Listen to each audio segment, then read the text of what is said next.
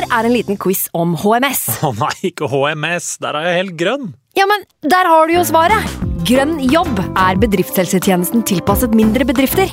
Våre HMS-eksperter hjelper mer enn 8000 bedrifter over hele Norge med alt fra lovpålagte HMS-krav til pålegg fra Arbeidstilsynet. Få på plass bedriftshelsetjeneste på grønnjobb.no. Hallo? Jeg kommer fra Oslo politikammer. Ine Jansen er purk. Er du purk? The motherfucking bitch. Alt jeg vil, er å finne ut hva som skjedde med mannen min. Jon Carew. Er jeg sikta for noe? Iben Akeli. Det er du. Ole So, Lars Berrum og Big Daddy Karsten. Hvem sin side er du på, egentlig? Anette Hoff, Tone Danielsen, Kommer du fra Afrika? Jørnis Josef, Nesten. Kløfta. Trond Espen Seim, Det er synd å si det, men det var feil mann som døde. Purk. Premiere tirsdag på TV2 Play. I can't believe it. Football, bloody hell.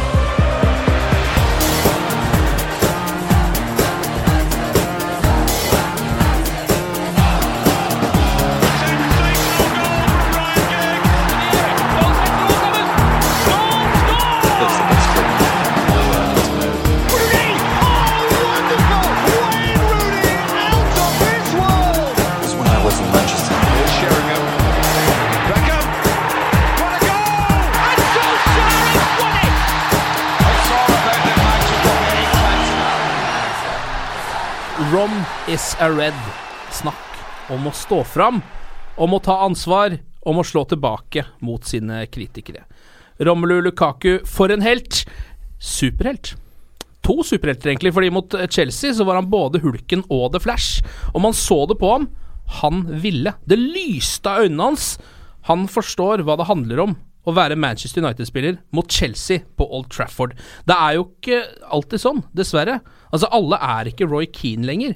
Det er mange spillere som går utpå der, selv med den røde drakta, i et storoppgjør på Old Trafford, leverer 80% og går av banen med tap og tenker ja ja, det kommer en dag i morgen.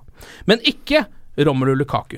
Det var ikke noen morgendag for Romelu Lukaku. Det var 96 minutter. Det var alt han brydde seg om.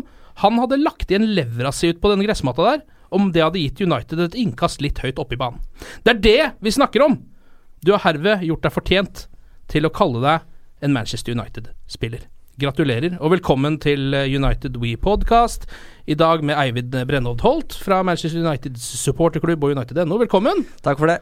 Andreas Hedemann, en av eh, våre mest entusiastiske United-supportere i dette landet. Eh, Du lager vanligvis TV for Anti, men eh, veldig ofte, eh, sånn cirka en gang i uka, så sitter du her og babler Manchester United. Hvordan føler dere, gutter? Er det, er det god stemning? Nå har jeg det bra. Aller først, hei til dere. Hallo! Hei til Internett! Hei, hei, hei, hei, hei. Um, jo, nei, jeg har det veldig, veldig bra. Um, jeg tenkte bare sånn Jeg har bare lyst til å suge litt på den karamellen. Sånn Ja. innledningsvis. Det er lov. Ja, det er veldig deilig. Åh, det er, deilig, deilig karamell. Nei, vi, vi slo altså Chelsea Ja. på Fort Trafford. Eh, og vi slo dem akkurat sånn som vi har lyst til å slå topplag. Nemlig ved å være smartere enn dem, og ved å være bedre enn dem. Og det er jo ikke noe bedre følelse enn det! Nei, det var Å, det var deilig. veldig deilig. Eh, hva tenker du, Eivind? Hva var første, første følelsen du hadde når det ble blåst i fløyta? Lettelse, kanskje? Ja, altså, jeg tror uh, Dette var Det var kanskje ingen sånn masterclass à la Chelsea i fjor, eller, eller Ajax eller Celta Vigo i Europa League, men, men det var en seier som var så vanvittig viktig. Ikke bare for United, men, men for Mourinho. Det var så mye som lå i potten. Eh, vi vi snakka alle om den duellen med Conte før matchen. Eh, nå ble ikke det noen sånn stor snakkis eh, verken under eller etterpå, men, men han tar et stikk. Eh, og bare se for deg den følelsen vi ville sitte med nå hvis det hadde blitt tap. Ja. Og Mourinho, som da har på en måte ledet an den ordkrigen her, hadde sittet igjen med svarteper der, og, og alt det her med Pogba, eh, Pogba-hysteriet, eh, dette med det offensive spillet, og så da et tap mot Conte og Chelsea. Mm. Eh, da hadde vi vært eh, Da hadde det vært kamp om topp fire for alvor for United sin del. Nå har de en liten luke på, på seks poeng. Så vanvittig. En avgjørende seier. Sesongdefinerende, vil jeg nesten Ja. påstå. Mm. Og med seier mot eh, Liverpool Paul Trafford, så så er det på en måte vanskelig å argumentere mot at Mourinho eh, ikke klarer seg i toppkampene. Da er det Mm. faktisk de og City som, som eh, Altså City i en klasse for seg, selvfølgelig, men i, i den topp seks-tabellen da, så er det United og Liverpool så, Nei, unnskyld, United og City som har de to øverste plassene, mens, eh, mens resten da ligger bak. Så, så det er så mye som kan løse seg. Det er en veldig avgjørende fase av sesongen, og det blir eh, spennende å se om han kan ta en ny seier da mot Liverpool. Da er det mye som faller på plass. Da tror jeg andreplassen er sikra. Det er neste sekspoenger, det, ass. Mm. Det blir veldig avgjørende. Eh, og det var jo ikke bare Mourinho som jo fikk seg en liten revansj mot eh, sin store rival Antonio Conte. Eh, Romelu Lukaku fikk seg jo en revansj mot eh, sin rival pressen, eller eh, Manchester United-supporterne, eller hva man skal si. Ehm, og den kritikken som har kommet mot han, at han ikke leverer i de store kampene. Mm. Han var jo um, Det motbeviste han så til de grader. Ja. Han var uh, enorm i den kampen. Eh, spesielt fra siste tredjedel av første omgang og uh, ut kampen. Han er jo generelt inne i en veldig god periode da, om dagen. Uh, du ser det jo på han nå. Du vet Spillere har liksom selvtillit uh, og koser seg på banen når de liksom går for saksespark mot Chelsea Ja. uh, på hjemmebane. Og det var jo bare Det var jo dritbra saksespark òg. Altså, Ja. Det var jo bare Courtois som holdt den ute, Mm. hvis ikke han hadde gått inn. Ja. Så det, nei, det er deilig å se. Og jeg liker den derre ja, det utstråling han har da, om dagen. Mm. Veldig god kamp av Lukaku, og for meg så Det saksesparket, det var faktisk kampens øyeblikk for min del. Ja. For det er noe med Lukaku Man, man snakker om begrensningene til Lukaku. At han Ja, han stanger jo egentlig bare inn disse innleggene, og, og det er tap-ins, liksom. Men, men der så henter han fram et C-moment som vi Mm. ikke har sett siden Rooney gjorde det mot City i 2011. Så det var liksom et sånt øyeblikk som eh, Og hadde den gått inn, liksom, så hadde vi jo Ja, ikke visst ja. hvor vi skulle gjøre oss. eh, Jeg får litt selvfølgelig. frysninger bare å tenke på det. Men, men Eh, at han kunne hente fram noe sånt, det gir et sånn lite håp om at ah, ja, det er et uforløst potensial der fortsatt. Han er ikke bare den derre tunge, fysiske kraftspissen som på en måte skal, skal eh, gjøre det en måltyv skal gjøre, og bare få, få mål, da. Men han, han kan gjøre sånne ting, og det, det gjør det vanskeligere for uh, motstanderen, selvfølgelig. så er det jo et millimeterpresist innlegg til Jesse Lingard også. Mm. Det der er jo uh, en Altså, det der er ikke en kraftspisskvalitet Nei. over det innlegget der. Og det har vært så mye eh, snakk om det der, at, eh, og han er ikke en like god eh, spillende spiss som Kane, og, ikke sant? men jeg syns han gjør masse av de greiene der, Mm. som folk bare velger å ikke se. da Ja. Uh, han, eh, I den perioden hvor han nesten ikke skårte, så hadde han fire assist, eller noe sånt. Altså, Mm. han er liksom Han er mye mer delaktig i spillet enn det han får kred for. Da. Ja, det er jo litt Jeg tror det bare er uh, en liten sånn skygge som henger over han, at han har noen ganger en litt klønete touch. Mm. Så jeg tror folk undervurderer hele spilleren, da. Uh, tidvis, og teknikken hans. Og ser på han som en litt sånn enkel type. Men det er han jo absolutt ikke. Det, det viser han jo ved denne anledningen her, f.eks. Det er sammen med en klønete touch, det er jeg enig i. Altså.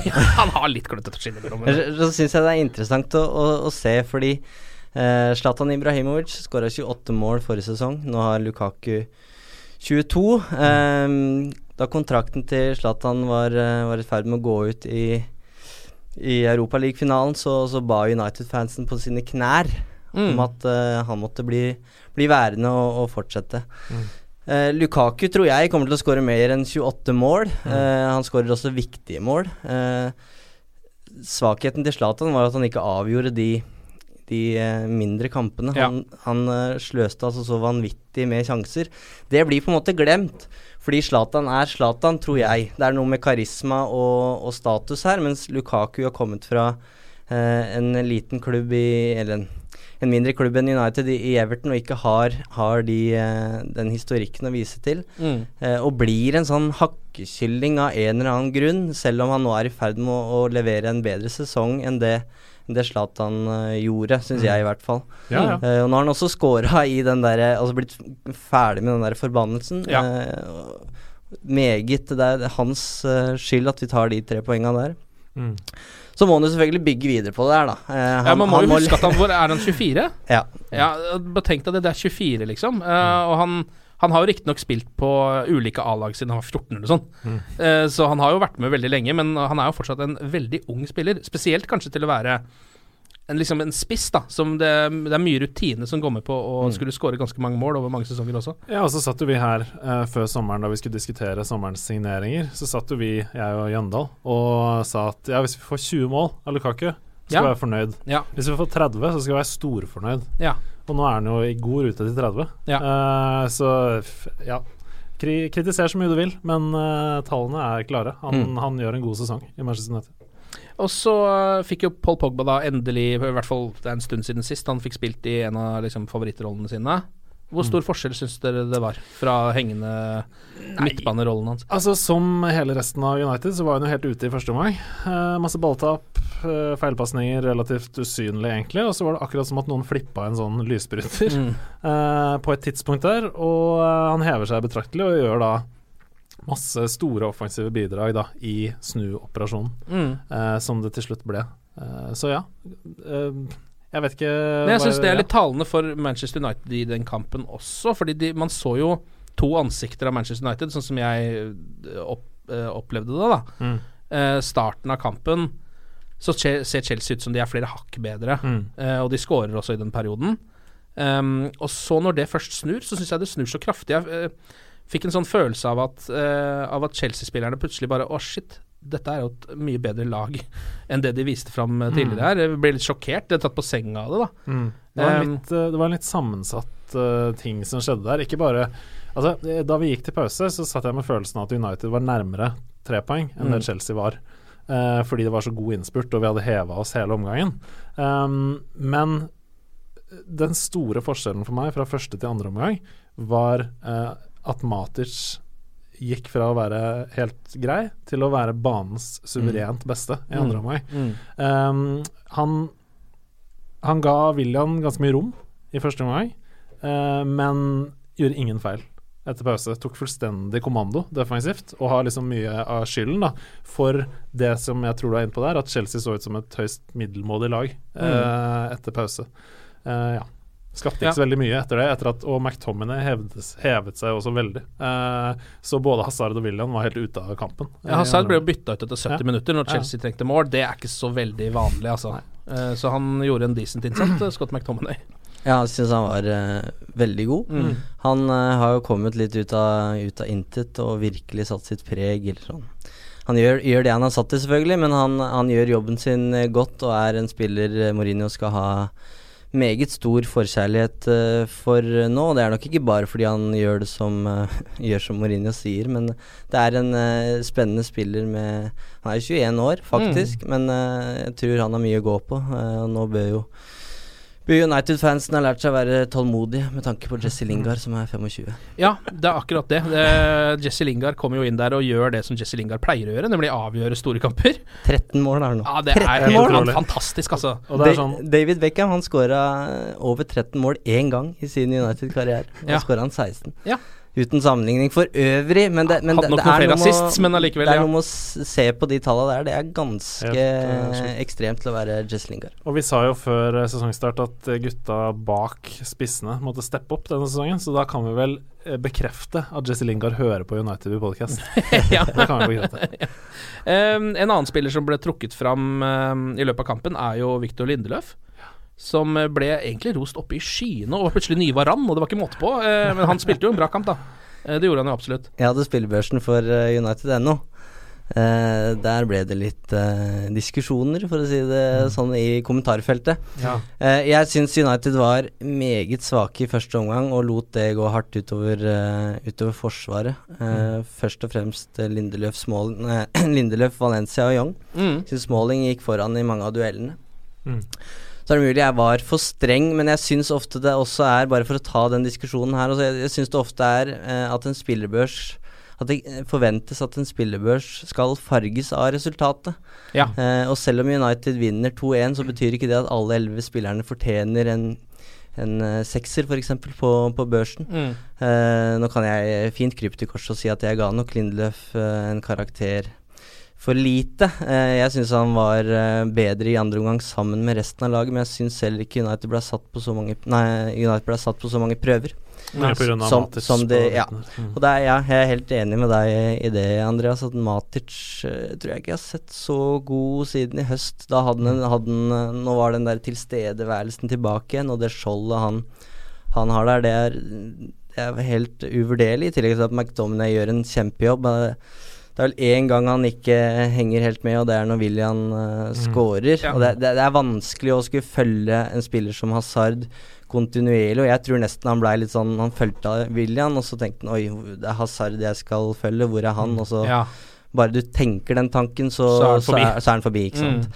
Eh, så, men ja, ja, bare for å understreke det, Viktor Victor Lindeløf, jeg har stor tro på at han fortsatt kan bli en solid United-stopper i, i fremtiden. Mm. Uh, selv om jeg ikke er helt overbevist om at han leverte sin beste kamp. Det syns jeg ikke. nei, altså uh, Jeg er enig i, i mye av det du sier, også at han fortjente en karakter mer på Andersen.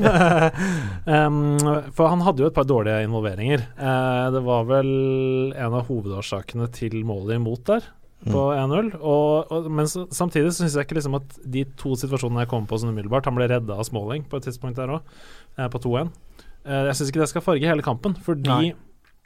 jeg føler nå at vi ser konturene da, av et midtstopperpar med liksom bulldozer Bailly og Iceman Lindelöf eh, fra neste sesong. Og jeg liker de konturene da, av det. Eh, Lindelöf som en midtstopper som Jeg så var gamletreneren hans som var ute og sa at han tilpasser seg kampbildet veldig. eh, løser de aller fleste oppgaver eh, vel glimrende. Og sånn Ja, i dag skal jeg spille mot Giroud, da spiller jeg sånn. I dag skal Ja. jeg spille mot en annen, da spiller jeg sånn. Um, og vi så også da um, det som kom fram i ettertid, hvordan han kommanderte forsvaret der i sluttminuttene. Og fra Altså, da jeg så Lindeløf Fra livredde Victor Lindeløf. Da jeg Ja. så Lindeløf mot Vålerenga eh, på Ullevål, så tenkte jeg oi, han Det var hans første kamp for United, og, og han var redd i den kampen, på, Ja. på Ullevål. Ja. Eh, og da tenkte jeg uh, dette blir en uh, ildprøve for svensken. Men eh, han, jeg syns han bare har blitt bedre og bedre hele sesongen, og jeg tror han er klar for å ta over eh, jobben til uh, Smalling. Han hadde jo en, sesong. også en nesten kampavgjørende takling på slutten der også, Mhm. hvor han bare Altså, det er bare han som kan redde mål, nesten. Mm. Og det gjør han. Mm. Eh, og da må man jo nesten bare klappe i hendene og være fornøyd. Mm. Um, og så Altså, du var jo litt inne på det her også, Eivind, men um, altså, etter denne kampen så var det veldig, veldig mange av eh, United-spillerne som ble hylla ganske kraftig. Lukaku, eh, jeg har allerede hylla han selv, så nå tråkker jeg litt i min egen salat, men sånn er det. Eh, Lindeløf var en av de, og også José Mourinho fikk jo nok en sånn genierklæring, og det er lenge siden han har fått nå. Og det er liksom på en måte det, det, De har vunnet én kamp, da. Én sånn storkamp liksom mot Chelsea. Eh, kunne like godt blitt 2-2, for det var veldig, veldig tight om, om det i det hele tatt var offside på slutten der. Mm. Og hvis det hadde vært 2-2 i den kampen, så hadde ingen av disse fått noe som helst hyllest. Er ikke det en litt sånn rar dobbeltmoral i fotballjournalistikken? Jo, men det er også sånn fotballen er. Eh, jeg syns vi altfor ofte glemmer at en fotballkamp består av flere faser. Det er veldig sjelden at ett lag dominerer en kamp fra start til slutt. Eh, og så snakker alle om ja, hva hadde skjedd hvis Morata hadde satt den første sjansen eh, etter to minutter der. Vel, United kunne fortsatt vinne i 2-1, for da hadde antakeligvis Conte lagt seg bakpå.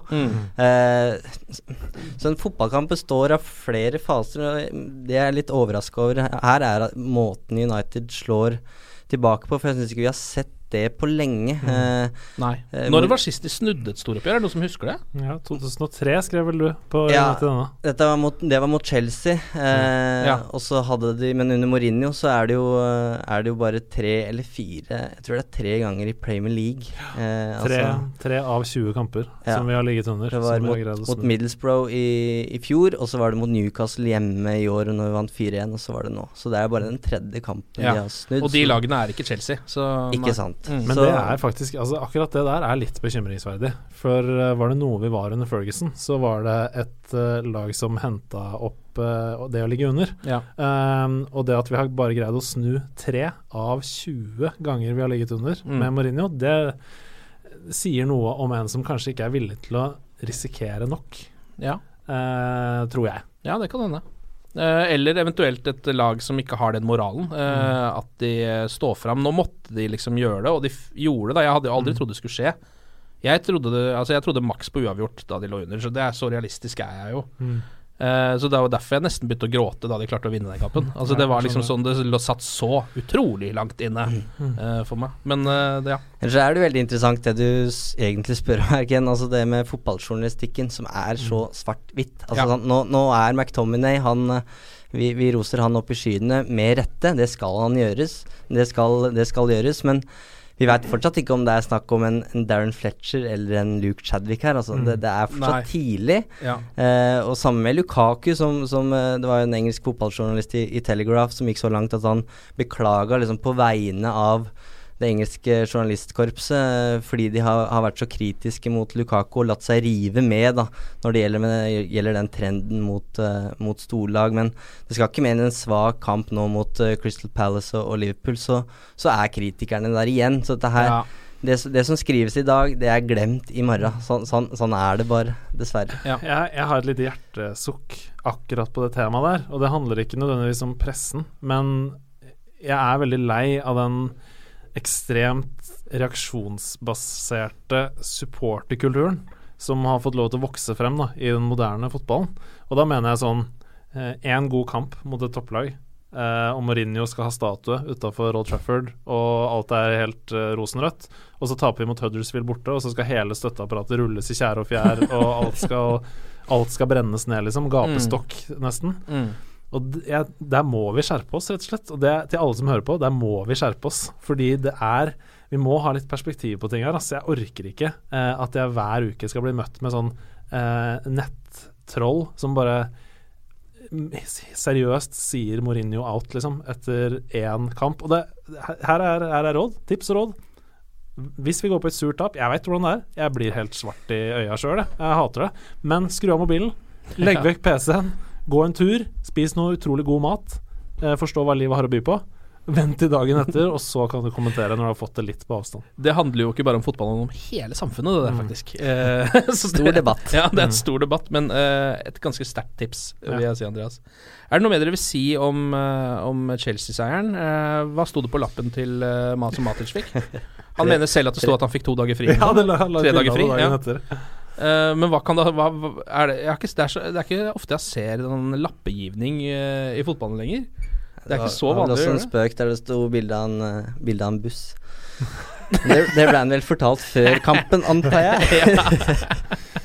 Nei, uh, nei det, altså, du, uh, du skrev til meg litt sånn om det uh, revansjen over konto og sånn, Mm. før, som jeg syns er litt interessant, fordi det var jo selvfølgelig masse i pressen om det, men de sto jo bare tulla på sidelinja der og kosa Ja. seg og flørta litt, nesten. Det var nesten litt sånn manlove Ja. på siden der.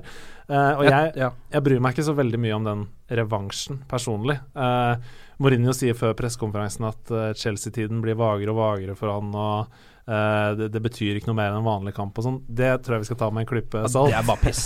Det kan vi så tvil om, men den følelsen av liksom, For meg som United-supporter, at revansjen over Conte etter tapet på Stamford Bridge og sånn, det bryr jeg meg ingenting om. Annet enn at Nei. det er veldig digg å slå Conte. Akkurat som at det er digg å slå Klopp, det er digg å slå Wenger, det er digg å slå Pochettino og Pep, liksom. Og det har, ja, ikke sant. Uh, mm. Ja, nei, jeg er enig. Det, er- det, er- det er jeg, som gjør at jeg bryr meg litt om det, er fordi at jeg, jeg tror det betyr ganske mye for José Mourinho. Ja, jeg jeg tror ikke på at han ikke lar seg affisere av sånne typer kamper, da.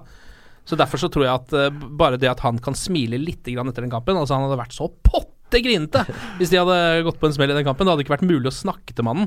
Og det tror jeg ikke bare gjelder pressen, det tror jeg gjelder spillerne også til en viss grad.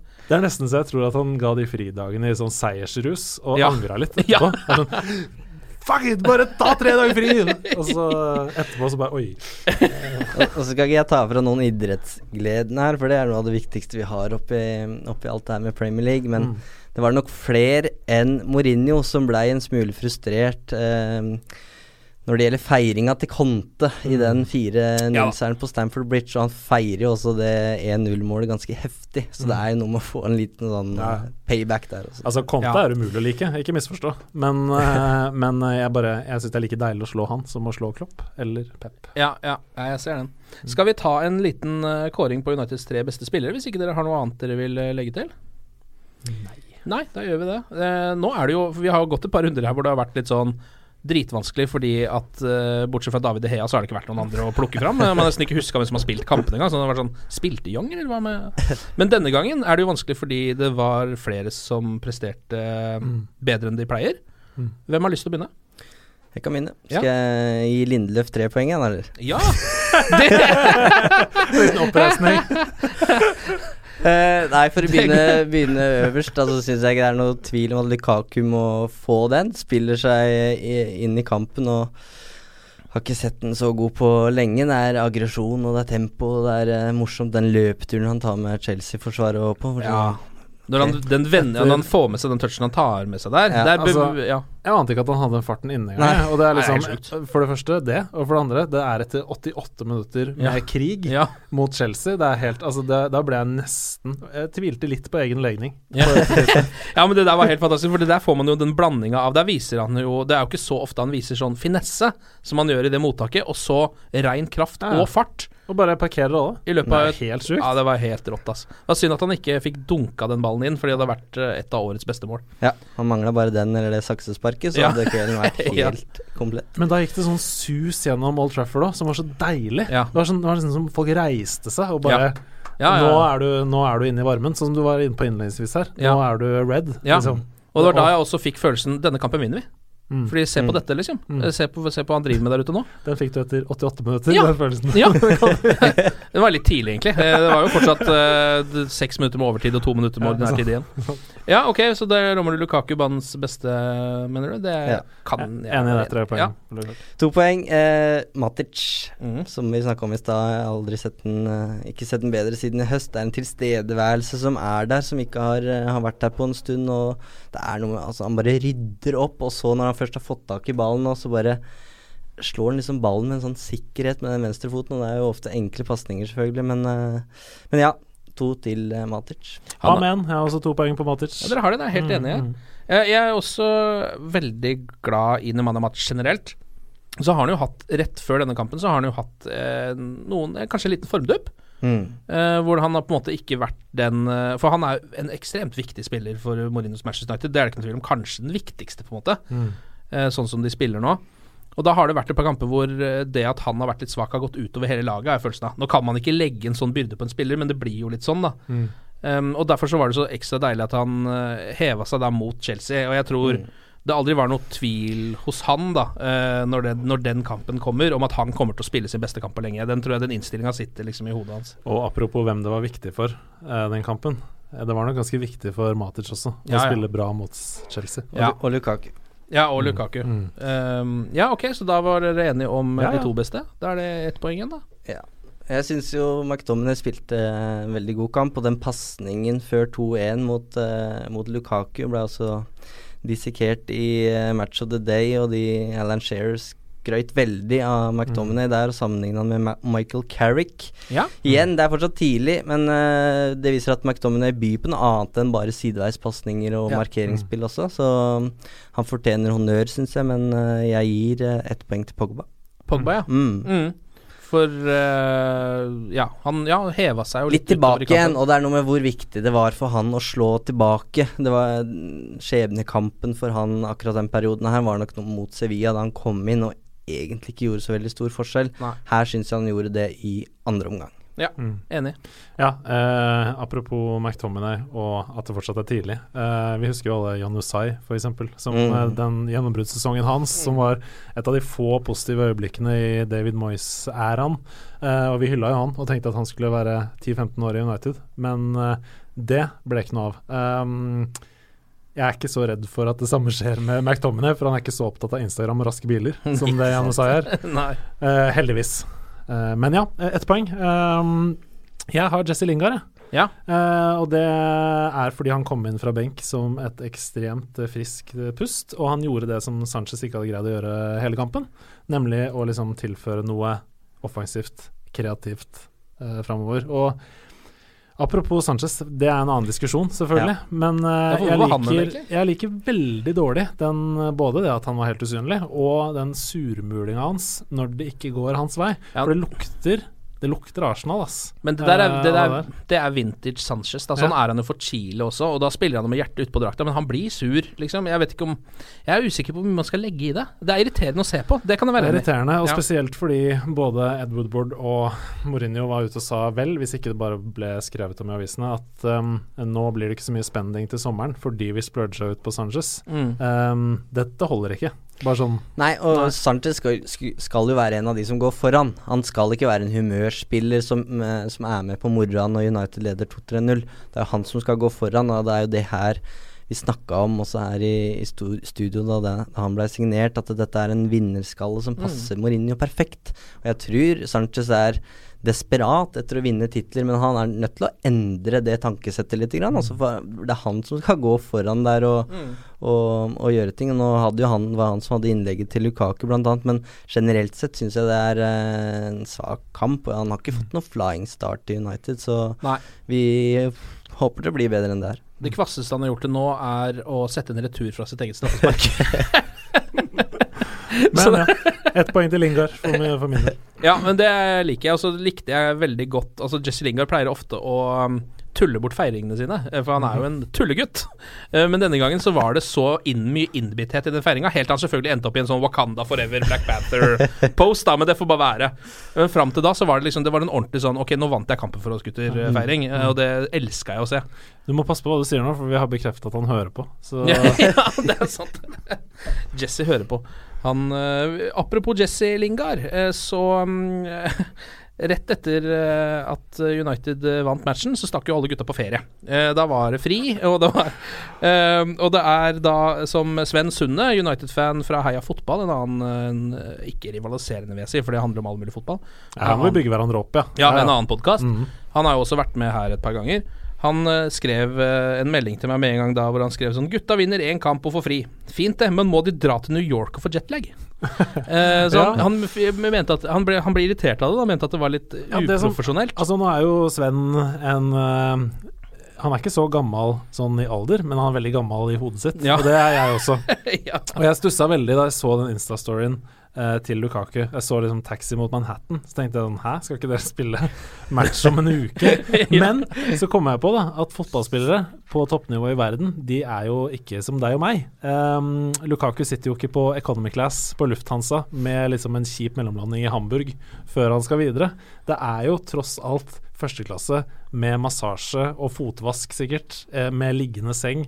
Og det tar bare seks-sju timer med fly fra London. Så du mener det er formildende at han drar på første klasse? Nei, ja, jeg mener, jeg mener sånn Hadde vi, hadde vi reagert hvis Lukaku og Lingard hadde tatt en sju timers kjøretur opp North for å dra på hyttetur isteden? Liksom? Nei. Altså, det er nok mer slitsomt for han, det, enn Ja. å ligge og chille på flyet til New York og dra tilbake igjen. Han er allerede tilbake i Manchester og Ja. på trening i dag, Mm. og vi spiller ikke før på mandag. Så innledningsvis så tenkte jeg uh, dette blir krise, og så tenkte jeg jeg er ikke sånn som Lukaku. Han har fordeler i livet som ikke Ja. jeg har. Er du enig, Even? Jeg tror det går uh, veldig greit. Uh, jeg tror også, bare så det er sagt, at de hadde fått den ferien her uansett. De har jo vært uh, jorda rundt alle sammen, så dette er nok bestilt i god Ja. tid forhånd. Ja. Eh, men, men nei, det, vet du hva, de må få lov å, å dra og styre og gjøre så mye de vil. Nå har jo Jeg vet ikke åssen det er i den blå delen av Manchester nå, med Aguero og taxikrasjen der og sånn. Ting Mm. kan jo skje, men de må jo få lov til å leve som Ja, mennesker. Ja, Altså, vi er jo Eh. bare uh, Som sagt, vi er gamle i huet. Vi er bare redde for distansen. Det er samme Han er, han er i New York, liksom. Uh, verden har blitt mindre. Ja. Det, er ikke noe, det er ikke noe rart å dra dit på en tredagers. Jeg kjenner mange som gjør det. Sånn Og de kommer tilbake og klarer å jobbe på mandag. og Det får være greit. ja. Jesse Lingard dro til Milano på shopping, selvfølgelig, eh, og har lagt ut masse deilige snaps eh, derfra, hvor han eh, står og prøver eh, veldig sånn fotballspilleraktige klær. Mm. Eh, fordi han har sånn fotballspillerstil, eh, Jesse Lingard. Så det er all, alt Han har ikke på seg en vanlig dress, f.eks. Alt har noen sånn rare flapper som er gullfarga, eller det, eller annet sånt noe. Han hadde, altså Det var et Instagram-bilde han la ut hvor han hadde Gucci fra topp til tå. Ja. Altså alle klær, alle plagg. Sokker, caps, alt var Gucci. Ja, der har du Lingard. Men eh, det, altså det å dra på shopping med Lingard så, sannsynlig, også så litt ut som en slags drøm for meg. Altså. Ja. Fordi han eh, Så mye energi som den mannen gir, at han klarer å Han står og danser mens han prøver klær. Det er ganske imponerende. Så dere Victor Lindeløf var på shopping? Var han også på shopping? Med madammen. Jeg skal innrømme at jeg følger uh, hun Maja Nilsson på Instagram. Hun var jo veldig morsom før Lindeløf kom til United. Nå er det liksom helt stopp. Nå er det bare fashion og blogg. Men så det er tror du ikke ikke- så interessant. Tror du ikke han måtte gjennom et sånn slags sånn Jo, det var akkurat det jeg skulle si. Ja. Jeg tror United har sagt nå må vi slutte med det der eh, at Ja. Lindelöf driver og tørker sokker på Ja. mikrobølgeovnen. Det er sånn. greit i Benfica at som han tuller med Lindeløf, men her skal han være en slags gud i midtforsvaret, Ja, ja, så du kan ikke menneskeliggjøre han på den måten. Jeg snakka jo med Anders Lind i går om litt om det her, det å komme til United som en litt sånn folkelig danske fra Ålesund. Han fortalte det. Han var ganske, og er fortsatt ganske aktiv på sosiale medier. Mm. Uh, og hadde en tweet hvor han uh, Hvor han skrev noe om en musikkvideo uh, til Radiohead. Ja. Og skrev hvordan de hadde sånne spasmebevegelser da i, i den musikkvideoen, han vokalisten. Og da hadde han fått beskjed på da, treninga dagen etter, blitt tatt, tatt til side av pressesjefen, som sa at den tweeten der må du slette. For det kan være at noen i handikap-miljøet oh, ja. reagerer på det. Ja, der. Så de er ekstremt ømfintlige på det der, så det kan godt hende at uh, Maja Nilsson har fått uh, noen instrukser om hva det De skal måtte, vel, de måtte vel innføre noen regler etter Twitter-kontoen til Rooney, som jo er helt legendarisk. Eh, altså Den er jo sletta, men hvis man finner noe på internett Ja, Du tenker på den gamle Twitter-kontoen Ja, ja, hans? For nå ja, har ja, ja. han bytta jo fra Wassaroon til Ja. Wayne Rooney. Ja. Eh, offisiell Wayne Rooney. Altså Wassaroon-kontoen, den var bra. hvis dere ikke har sett det, så må dere gå inn og se. Det er sånn Uh, Var det til Carrick? Han skrev uh, Hey mate, you need picking up in the morning. Fordi han trodde han sendte direktemelding. Tvitra ut til hele verden. Ja, det er deilig, da. Det er sånn det skal være. Um, vi kan jo ta noen eh, nyheter også. Lukaku og Martial kan jo nå tangere Rooney og Ronaldos Hva skal man kalle det, en radarparrekord, kan man kanskje kalle det. Mm. Uh, de har tre assists til hverandre og trenger da én til for å overgå Rooney og Ronaldo fra den tiden. Det føles jo eh, godt. Jeg, kan ikke, jeg må innrømme at jeg har ikke jeg har ikke lagt merke til Lukaku Martial-linken så godt. Det er vanvittig overraskende. Ja, ja. altså. Pogba Martial har jeg lagt merke til flere ganger, men Lukaku Mar det har jeg ikke merka engang. Men jeg tror det er mye sånn Lukaku spiller ballen til Martial, som kjører litt slalåm, eh, nesten mister ballen, og så skyter ballen i mål, Mm. eksempel. Ja, ja. Eh, langskuddet til Ja, nei, det var kanskje Pogba. Nei, ja, ja, jeg husker det er- også noen av de innleggene fra, til Martial fra venstresiden som mm. Lukaku har stussa inn. Det har vært et par av de også. Mm. Men eh, det er jo deilig det å vite at det er i hvert fall noen eh, gode relasjoner som sitter i laget. Ja, det er en prestasjon å overgå Rooney og Ronaldo, for de var eh, Det var en bra klikk der en stund. Ja. Nei, men den rekorden, den blir slått. Um, Og litt for å liksom uh, fortsette på det vi snakka om med Sanchez i stad. Det var mye diskusjon om hvor han skulle spille og sånn. Når da Beklager, beklager, beklager. Da han kom til klubben Jeg er utdannet tekstforfatter. Dette, jeg kommer til å få høre det. Uh, da han kom til klubben. Uh, men Martial har jo utkonkurrert Sanchez på venstre, syns jeg. Han har det. Uh, han bør starte der. Og jeg tenker sånn Sanchez, eh, som vi snakka om i stad, han må tilpasse seg. Han må steppe opp litt. Eh, hva med kanskje prøve han som spiss? Ja. Uh, hvile Lukaku, kanskje, i en kamp? Men er Mener du at Lukaku ikke skal spille absolutt alle kamper 90 minutter? Det høres helt horribelt å si, men uh, ja. men er det helt håpløst av meg å, å, å lure på hvorfor det er så utrolig stor forskjell å spille på høyre og venstre? Ja, det er Ja, godt men poeng. Altså, man, man, I i dagens fotball så må man jo kunne bruke begge, begge bein. Ja. Det må være et minstekrav. Og så skjønner jeg det at det, det er nok litt enklere å, å dra seg inn fra venstre når det er høyrebeint. Men jeg skjønner ikke at det skal ha så vanvittig mye å si. Nei, for Marcial var jo utrolig mye dårligere da han spilte på høyre. Ja. Uh, og det er, ja, det er merkelig, men sånn er det. ja, men sånn er, har, du, altså, har du noen gang sett Lionel Messi ligge ut på venstresida? Du har jo aldri det. Han gjør jo aldri det. Han ligger enten i midten eller litt ut mot uh, Han er jo middelmådig òg, da. Mot høyre. Ja, selvfølgelig. Ja, altså, det høyrebeina er jo bare til å stå på, så det er jo ikke rart at det ikke ja. Vi har jo Jesse Messi, så vi Ja, trenger det er vi som har en ekte Messi. Ehm, En litt mindre hyggelig nyhet er jo Ander Herrera, som risikerer fengselsstraff nå. Og da er det ikke altså sånn uh, ubetinga sånn der eh, sone på Carrington-fengselsstraff. det er jo ordentlig fengsel. Som han risikerer pga. kampfiksinga si i Spania. Um, allegedly. Altså Man vet jo ikke hva som har skjedd der. Er det noe, har du noe innsikt i den uh, saken? Nei, jeg besøkte jo Saragossa i fjor. Jeg skal innrømme at vi snakka ikke så veldig mye om akkurat det da. Men, men, det men det jeg fikk litt innsikt i, er jo historien der, og det De sier jo at eh, at Saragosa Saragossa har hatt eh, altså sp spansk histories verste fotballpresident. Han var så eh, ufattelig elendig på å styre. Han, han visste ikke hva han dreiv med. Um, så, så at det har vært uh, et kaos der uten like, det er uh, ingen tvil om. Men om Herrera er skyldig i akkurat den saken her, eller om det er en sak i det hele tatt, det er vanskelig for oss å mene noe om. Men 2018 har i hvert fall foreløpig ikke vært Herreras år. Altså Nei. Når han endelig da fikk sjansen i i Sevilla så, så skader han seg etter 17 minutter, og du ser jo med en gang hvor mye det betyr for han, at han skjønner at nå, nå mister jeg noen uker, og, Ja. og her er det jo noen nøkkeloppgjør. Ja. og så er det det fengselsgreiene her i, Ja. i tillegg. Nei, hva skal man si om, om den risikerer Altså, jeg føler at risikerer er et nøkkelord, da. Ja. Uh, Jeg tror ikke Herrera blir satt i fengsel. Nei, han er under etterforskning sammen med, så, så vidt jeg har skjønt det, flere andre eh, spillere og Ja, det er vel det er 35 sånn- 35 spillere eller noe sånt. Ja. Det er ganske mange spillere. Ja. Ehm, så jeg tenker at dette blir en vitnetur. Og så blir det i verste fall noe forlik og Ja. penger og ferdig med saken. Uh, Det er sånn det pleier å ende, i hvert fall. ja, jeg, altså Som Mourinho var jo også i, retten uh, tidligere i år. Uh, jeg føler at alle bare må innom retten innimellom. Men det som er at ofte så er jo de tingene økonomiske ting. Rent økonomiske ting. Mm. Ja. Dette her er jo kampfiksing, så han risikerer jo også å måtte å bli utestengt fra fotball en ganske god stund. Ja. Hvis han skulle bli dømt for dette, da.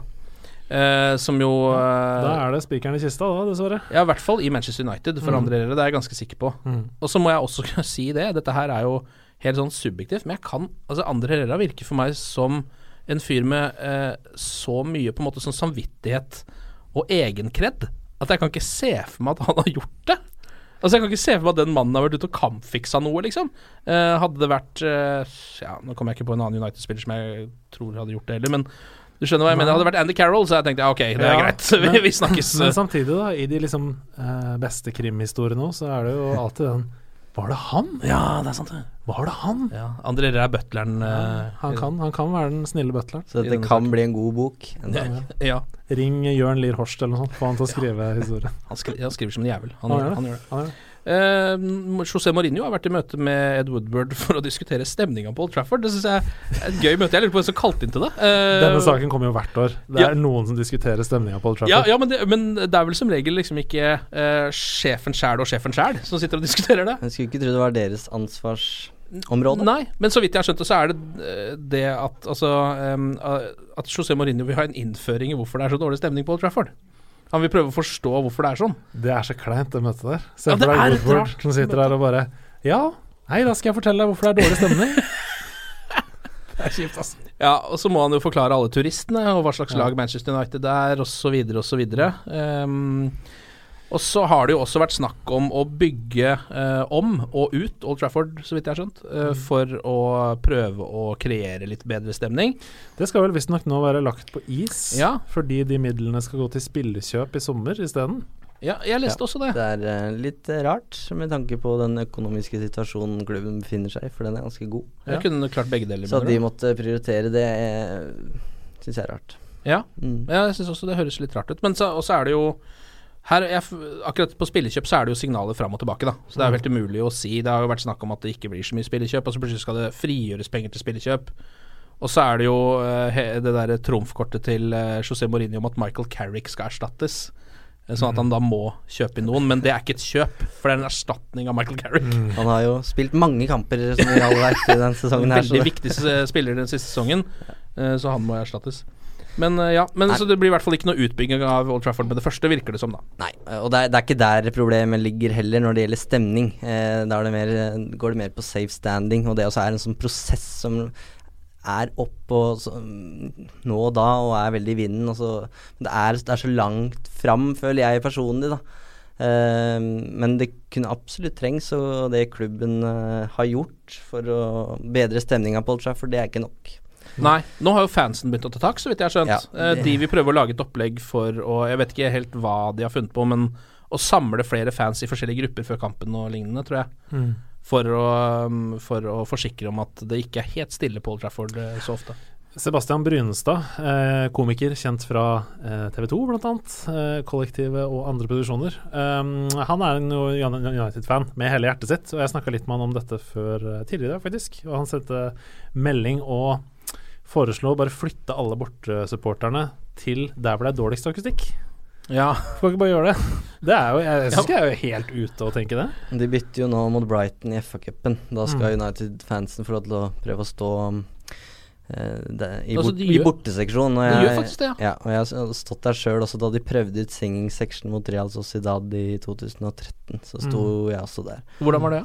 Det var kjempebra, men det er klart, da visste vi at dette er en audition. Ja. Eh, så det var jo Du måtte vanvittig levere, ja. trekk. Men det er, det er et utrolig sammensatt problem. Altså sånn eh, med titalls punkter. Én ting er jo akustikken på Old Trafford, men det handler også om de som sitter der. Ja, f.eks. For altså. eksempel. eh, så, så det er det er et, ja, et vanskelig problem å angripe, rett og slett. Jeg syns f.eks. ikke de sikene på første rad gir så mye lyd. Altså, jeg ser at de stort sett bare sitter der og stirrer. Eh, så noen må noen Er ikke de borte? Ja, de er, jo mange av de er borte. Jeg har sett noen av de sitter der nå, men eh, Dessverre, da, så er det jo veldig mange som er på, på tribunen for å bli underholdt, Ja. istedenfor å være en del av underholdningen sjøl. Ja, Og det, det er er faktisk ganske godt sagt, ja. Det er en del av, et del av problemet, det. Og, men det er jo også beviselig. Det var jo kjempestemning på Old Trafford mot Chelsea. Så når laget spiller de kampene mot de store lagene, så er det jo ikke, det er jo ikke det som er problemet da. Det er vel mer kanskje de derre litt trauste hjemmekampene mot Burnley, hvor man faktisk egentlig kanskje trenger det vel så mye, da. Eh, så det er jo helt klart et problem. Men vi må ta med oss at vi sitter i studio med en som har vært på audition for Manchester United. Det må vi ta med oss. Ja, det, altså, ja. Hva, hva måtte til for å naile en sånn audition, egentlig? Er det Nei, jeg husker ikke. Jeg tror jeg bare sendte en søknad om å få flytta det som da var sesongbilletten min den sesongen. Ja. Da bodde jeg i, Manchester, og jeg har en kompis som er veldig skuffa over at jeg ikke har fortalt den historien her i, i United We Podcast, om at jeg hadde en barndomsdrøm om å flytte til Manchester. Jeg husker fortsatt første gangen jeg var der og var på tur med supporterklubben, og så tenkte jeg åh, tenk å bo her fast. Da var jeg 10-11 år gammel. Eh, Sju-åtte år, eh, ni, ti år seinere, så flytta jeg til Manchester for å studere i ett år. Og hadde da eh, selvfølgelig et håp om å få sesongkort. Det var da mulig. Tidligere hadde det jo vært ti års ventetid. Eh, men fikk da et sesongkort på Old Trafford. Og det var jo da selvfølgelig sesongen til David Moyes. Kjempetiming, så jeg tror jeg hadde en rekke der på ti kamper uten seier på Old Trafford. Så det Um, var eh, Det er min Manchester-opplevelse. Det hadde vært helt fantastisk om det kunne blitt lagt på noe musikk i, i denne historien. Eh, sånn i etter Jeg ser bort på klipperen her. Le legg på noe sånn Forest Gump-aktig motiverende musikk. under den. Sånn at alle kan følge drømmen sin og flytte til Manchester. Du er sannsynligvis også en av få som eh, kommer, lander i Manchester og tenker Å, tenk å bo her. Det er, det er, ikke, så, det er ikke så vanlig, tror jeg. Nei, det handler nok ikke like mye om byen som om laget. Ja, ja. ja, det tror jeg det gjelder nok for veldig mange, tror jeg, Mm. akkurat det der. Eh, det har jo også blitt forlenga avtaler med Daily Blind, Ashley Young og Sam Johnston. Eh, det syns jeg høres fornuftig nok ut, det. Eh, Strategisk. strategisk. spesielt kanskje på blindt, for Blindt-Sveine, tenker jeg. Ja. Han har spilt lite, altså. Og John, Johnston blir nok heller aldri United-keeper. Nei, nei, det er sant, men det er vel bare for å slippe å gi han bort gratis. Men Mm. akkurat Ashley Young, da. Um, Ja. Der virker det som at det faktisk er for å holde han i Han er jo nå er han jo fast venstreback, så å si. Um, Han er førstevalget er eh, foran Luke Shaw. Ja. Men jeg syns vi har sett eksempler, eh, bl.a. på Tottenham, på at han er ikke en venstrebekk, da. Nei. Eh, så jeg håper ikke vi går inn i en ny sesong med han som førstevalg. At nå enten så, så satses det på Luke Shaw, eller Mm. så henter man inn noe nytt. Helt fullstendig enig. Eh, Ja. 100% enig. Han er altfor svakt defensivt. Mm. Eh, Men kan være bra i et kampbilde hvor vi har eh, 80% possession. Og en glimrende troppsspiller. Mm. Han kan jo spille overalt på kantene, egentlig. Om det er back eller wing eller eh, hva det er, så, så, eh, så leverer han stort sett ok. Eh, og noen ganger helt fullstendig over evne, sånn som mot Watford. En av få United-spillere som kan slå et innlegg. Ja. Så Så hvorfor ikke han i Hvorfor troppen? ikke beholde han? ja, hvorfor ikke han der? Eh, Rojo og Martial derimot, der er det ikke blitt skrevet noen kontrakt. Og har ikke det Det føler jeg at de samtalene har vart lenge, nesten et halvt års tid har det gått med Martial som har lyst på ny kontrakt. Og den må jo bare på plass. Martial er jo en av våre beste offensive spillere sånn som det er nå, og det kommer det til å være i ti år hvis de beholder han. Så der skjønner jeg ikke helt hva som skjer. Nei, den må bare, det må bare ordnes, men det er jo utrolig hvor lang tid de forhandlingene her tar. Det er jo samme med Digea. Det, det drar Ja. ut og drar ut og drar ut. Jeg vet ikke hva Det er et spill, det her sant. Som alt annet i fotballen nå. Sånn eh, mellom agenter og og Woodward sikkert, som da sitter ved forhandlingsbordet. Så. Ja. Men jeg forventer at de i hvert fall uh, fikser Martial. Han håper jeg virkelig er en del av framtida, det han viste den Det sesongen han, her. det er han vel. Jeg tror han er jo en av de Han spiller jo også rimelig fast nå under José Mourinho, uh, med rette, fordi han er jo i veldig god form og er en eh, glimrende spiller.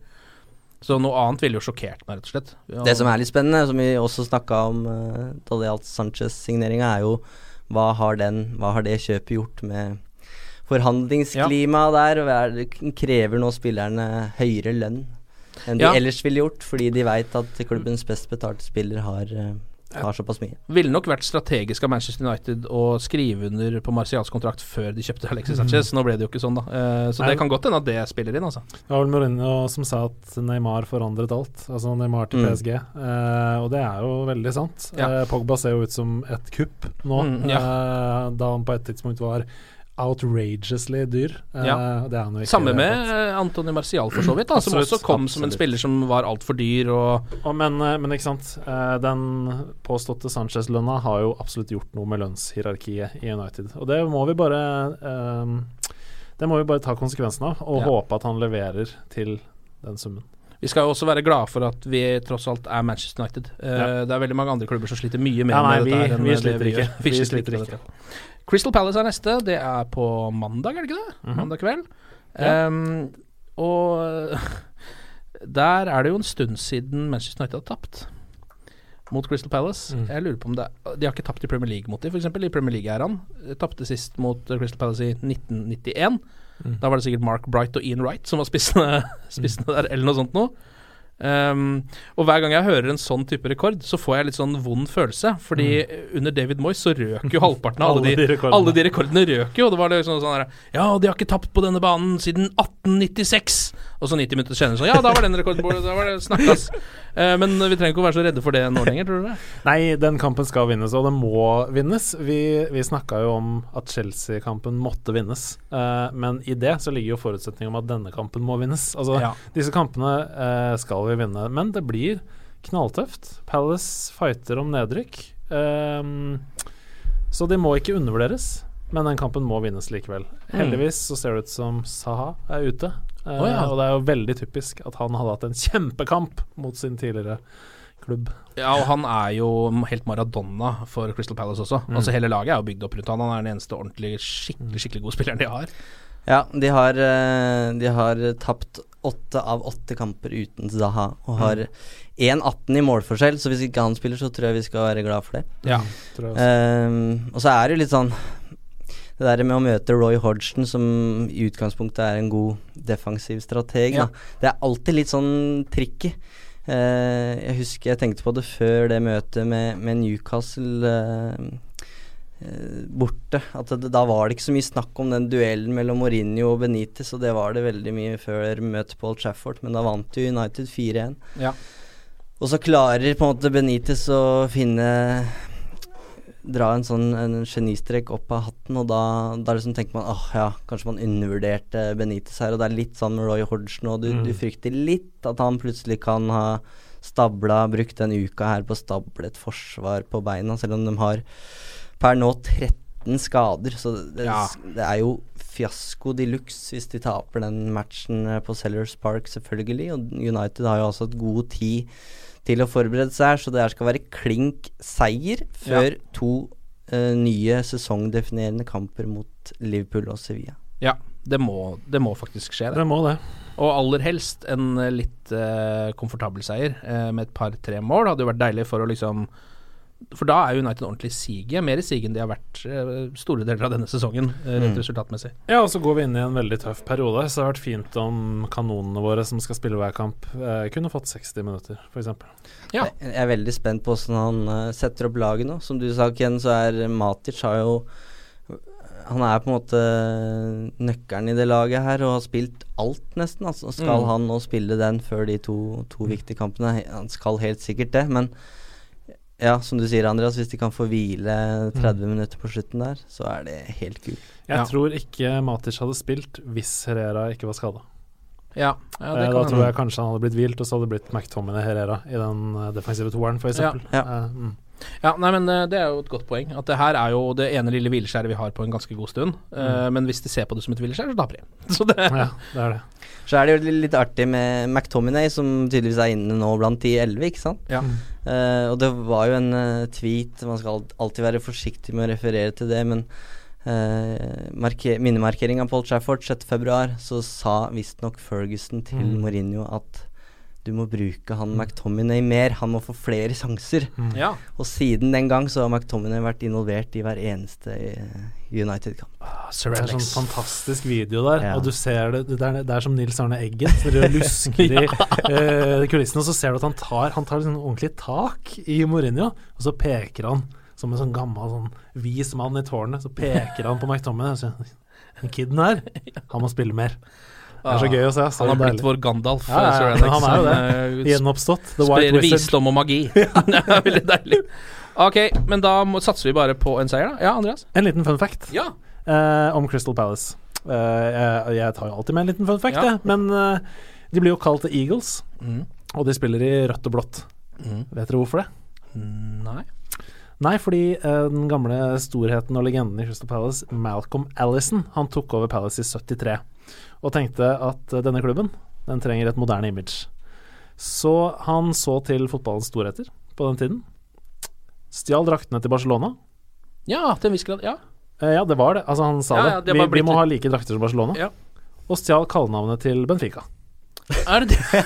som eh, da var The Eagles.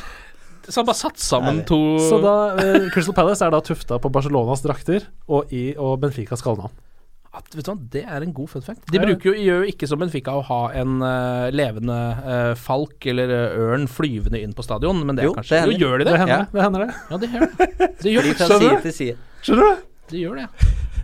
ja. Det er deilig. Vi får håpe de gjør det nå også. Jeg har lyst til å se det med mine egne øyne. All right. Glory, glory.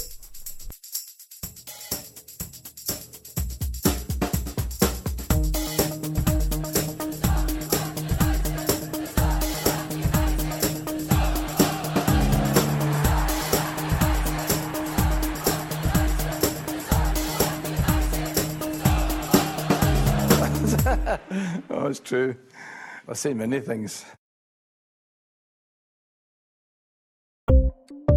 Ukens annonsør det er matkasseleverandøren Hello Fresh.